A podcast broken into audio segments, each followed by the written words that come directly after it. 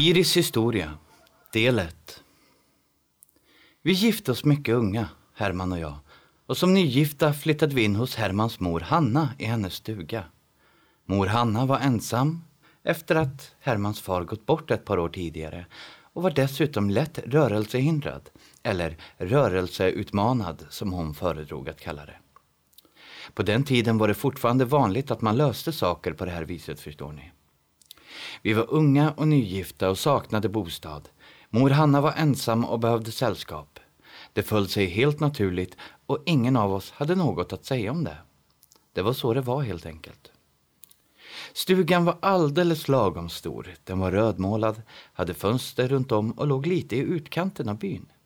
Inte ensligt precis, men huset låg ensamt och det var en bit att gå till byns mittpunkt. Huset var gammalt men gediget byggt och välskött och framförallt var det platsen där familjen bott i generationer. Det var Hermans barndomshem och mor Hanna hade själv flyttat in där en gång för många år sedan som ung och nygift. Det var hemma. Det fanns ett stort ljust kök med en vedspis och det var husets hjärta. Där fanns ett gammalt köksbord som skurats väl med borste och såpa tusentals gånger. Där fanns knäckande gamla pinnstolar att sitta på och en oförskämt bekväm kökssoffa där otaliga barn vilat middag. I fönstren hängde blå rutiga gardiner och på fönsterbrädorna trängdes och frodades lyckliga pelargoner i glada färger. Det gamla brädgolvet var alltid blankskurat och prydda av vackra trasmattor som mor Hanna och hennes föregångare vävt under långa mörka vinterkvällar. Det var alltid ljust och varmt i det där köket och det luktade alltid så gott. Som en blandning av såpa, nykokt kaffe och hemliga kryddor. Hemma. Det doftade hemma. Köket var hemma. Det var där vi levde våra liv, skötte våra sysslor och uppfostrade barn och karar. Det var där vi samlades till måltider och vid dagens slut. Där läste vi med barnen och talade om viktiga saker som bara var för vuxna när barnen gått och lagt sig. I det köket skapades magiska jular.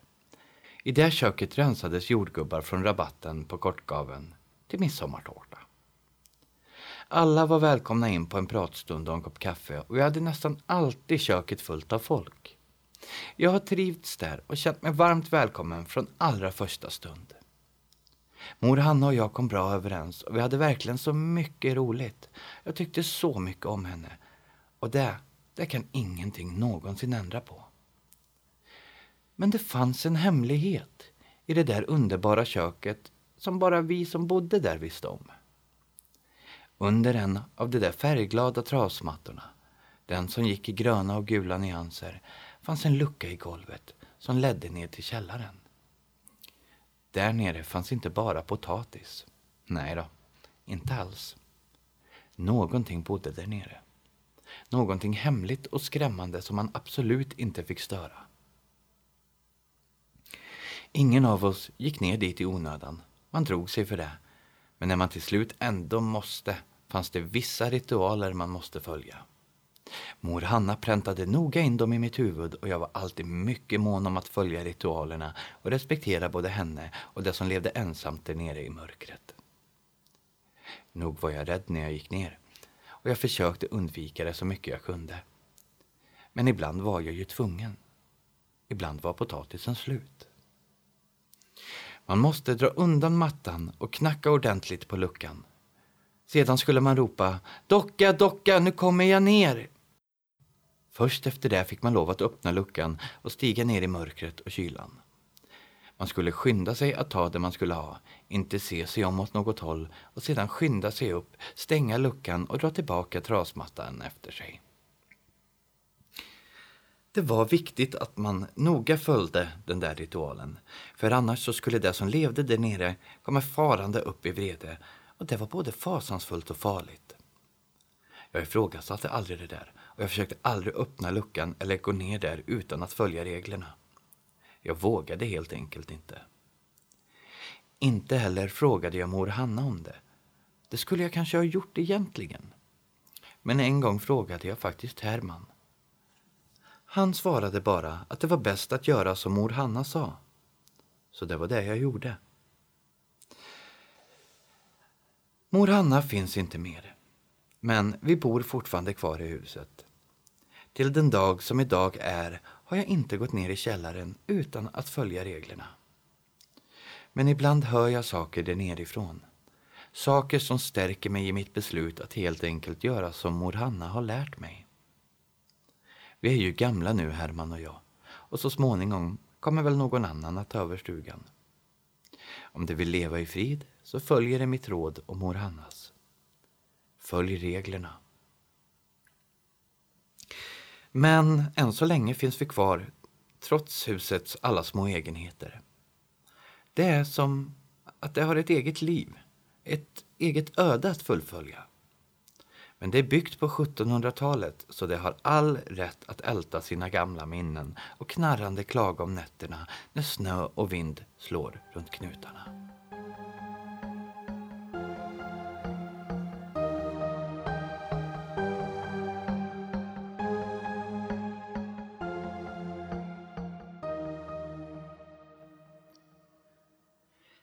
Iris historia del 2 Bakom huset mellan potatislängden och skogsbrynet går ett vitterstråk. Det är där som vittra färdas mellan oss och dem och det är där de driver sina djur på bete. Jag har själv sett dem och hört dem oftare än så. Skällorna på deras kor, pinglorna kring getternas raggliga halsar. Sången, ropen och skratten vallpigorna emellan trampet av osynliga fötter, hovar och klövar. Det är bra grannar om man håller sig väl med dem. Jag har då aldrig haft bekymmer med dem eller med att de har sitt stråk vid vår längd. Så länge de inte är klädda i rött så är det inget bekymmer alls. Men en vitter klädd helt eller delvis i rött är en arg eller mycket ledsen vitter och då kan det bli problem. För då kan de bli riktigt elaka. Om man inte visar respekt eller behandlar dem illa på minsta sätt så kan det ställa till det rejält för oss människor. Bygg inte och gå heller inte i vägen för dem på ett vittestråk, det säger jag bara. Titta bara på mor Hanna. Hon blev stråkbent hon, när hon gick i vägen för dem på stråket vid längden. Och så förblev hon. Det förlät henne aldrig riktigt. Eller titta hur det gick för token till lantmätare som försökte dra landsväg tvärs över ett vittersåg. Varenda vitterfolk i skogen var i rött och det var fullt upptagna med att sabotera för vägmästaren på alla sätt de bara kunde komma på. Och det var ganska många ska jag säga er. Ja, vad skulle han där och göra med sitt pick och pack och moderna maskiner? Jag varnade honom ju. Vitterstråket har legat där i alla tider, sa jag. De kommer inte att flytta på sig, så dra du din väg åt annat håll, sa jag. Men nej. Vägmästaren fnös och envisades. Vittra blev förtretade och sedan slutade det i alla fall med att karn fick dra vägen en annan sträcka än han tänkt och dessutom fick han betala dyrt för att laga maskiner och ersätta utrustning som försvunnit spårlöst. Precis som jag sa från början. Det är med vittra som med allt annat vilt. Lämnar du dem i fred så lämnar de dig i fred och beter du dig illa har du bara dig själv att skylla. Vittra är väldigt lika oss, fast det är spegelvända. Det lever precis som oss, fast det är också spegelvänt. Jag hör ibland påståenden att vittra lever i underjorden, men det är faktiskt bara ett missförstånd. Att det lever tvärtom behöver inte betyda att det lever i jorden bara för att vi människor lever på den. Det betyder bara att det lever spegelvänt. Det är inte märkligare än så. Eftersom det är så lika oss kan det ibland vara svårt att se. Ibland är det lite mindre och slankare, men långt ifrån alltid. Deras kvinnor är påfallande, ofta väldigt vackra och deras män nästan alltid svåra på fruntimmer. Både sina egna och våra. De håller sig väl klädda och är väl försedda med djur, mat, pengar och vackra föremål. Jag tror nog att de flesta någon gång mött vittra. Det är bara inte alltid man lägger märke till det. För det rör sig ofta i vår värld. Ibland kommer de för att läxa upp någon stackare som har gjort orätt mot dem. Ibland för att de behöver något. Ibland passerar de bara på väg någon annanstans. Det kommer och går ut och in i vår värld så enkelt och så ofta att resultatet ibland blir en liten bebis vars ena förälder är människa och det andra vittefolk. Förr i tiden var det ofta väldigt synd om de barnen. Jag hoppas att det beror på att man inte visste bättre och att det är lättare att vara annorlunda numera. Att det här har blivit bättre. Det fanns en sådan pojke i min klass när jag gick i småskolan. Han var liten, mörk och späd. Han måste väl ha haft ett riktigt namn, men det är inget jag minns att jag någonsin hörde någon använda. För alla kallade honom kort och gott för Vitterpojken. Till och med skolläraren. Vitterpojken. Det kan inte ha varit lätt för honom det där, annorlunda, ensam och utstött som han var. Det var som att han bara fanns lite grann och inte på riktigt fast vi allihopa såg honom varenda dag. Ingen pratade med honom om han inte absolut var tvungen till det. Vi pratade om honom och bakom hans rygg, men inte till honom. Sommaren han fyllde tolv började han som vallpojke åt sin morfar. Varje morgon drev han korna på skogen och passade dem för faror och rovdjur och varje kväll drev han dem hem igen lagom till mjölkningen. Samma procedur, dag efter dag. Vitterpojken tycktes trivas med det. Han växte på sig, blev brunbränd och bredaxlad. Fast, vad vet man egentligen? Jag undrar om någon någonsin frågade honom.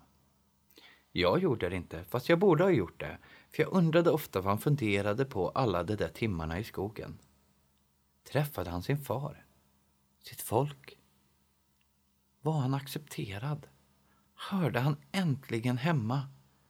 Eller var han lika ensam och olik där som här? En kväll kom korna hem utan vitterpojken och snart ekade skogen av rop efter honom. Pojkens morfar kallade på alla han kände och de letade och letade efter den försvunna pojken. Det var nära att ge upp när de efter två dagars letande hittade honom sittandes på en stubbe mitt ute på ett kalhygge.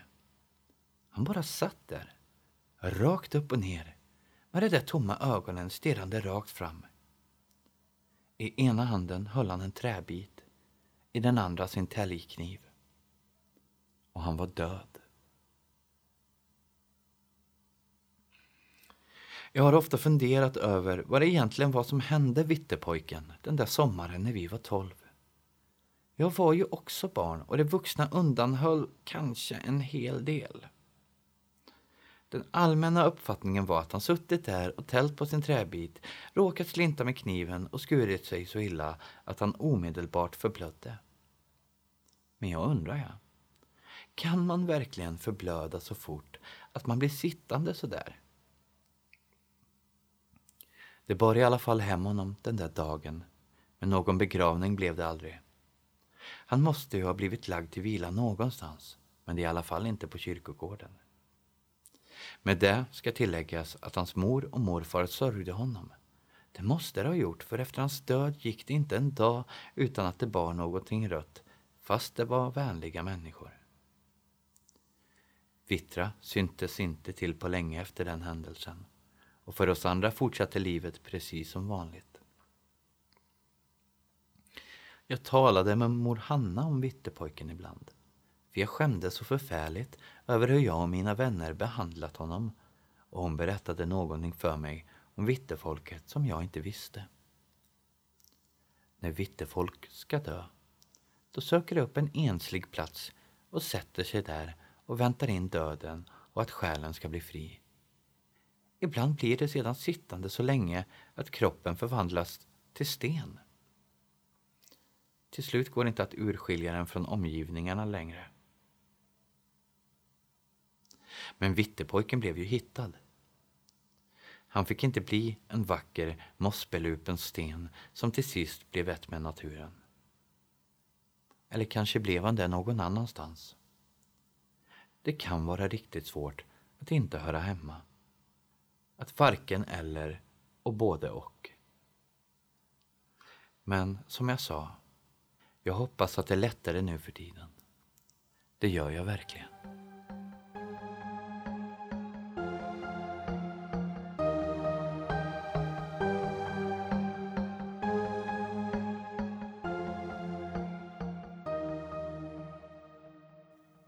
Mellanrum Iris berättelse om Vittepojkens sorgliga liv och öde fick igång en diskussion och det fick oss att samlas i en sorts tillfällig gruppgemenskap som vi alla visste skulle upphöra så snart vi klev av tåget.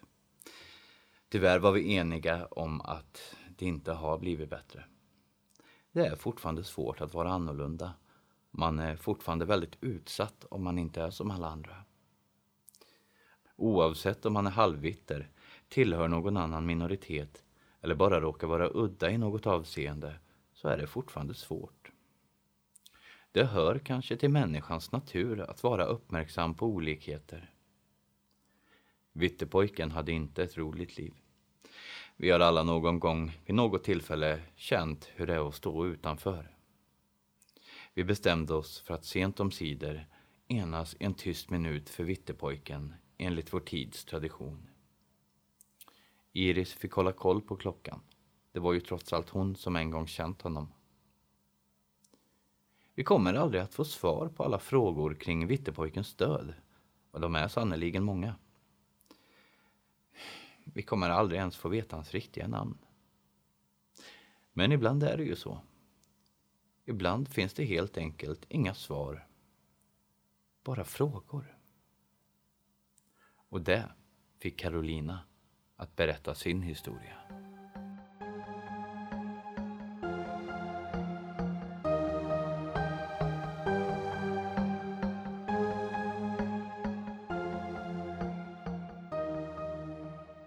Tack för att du har lyssnat på det här avsnittet som är ett bonusavsnitt. Fantomminnen kommer i flera olika delar nu efter varandra som bonusar för er som sitter inne och har tråkigt under den här hemska pandemin som pågår i dagens läge. Vill ni hjälpa till att stötta podden så finns det givetvis ett swishnummer på hemsidan och i beskrivningen. Och eh, jag hoppas att vi hörs imorgon igen. För då kommer ett vanligt avsnitt. Tack för mig.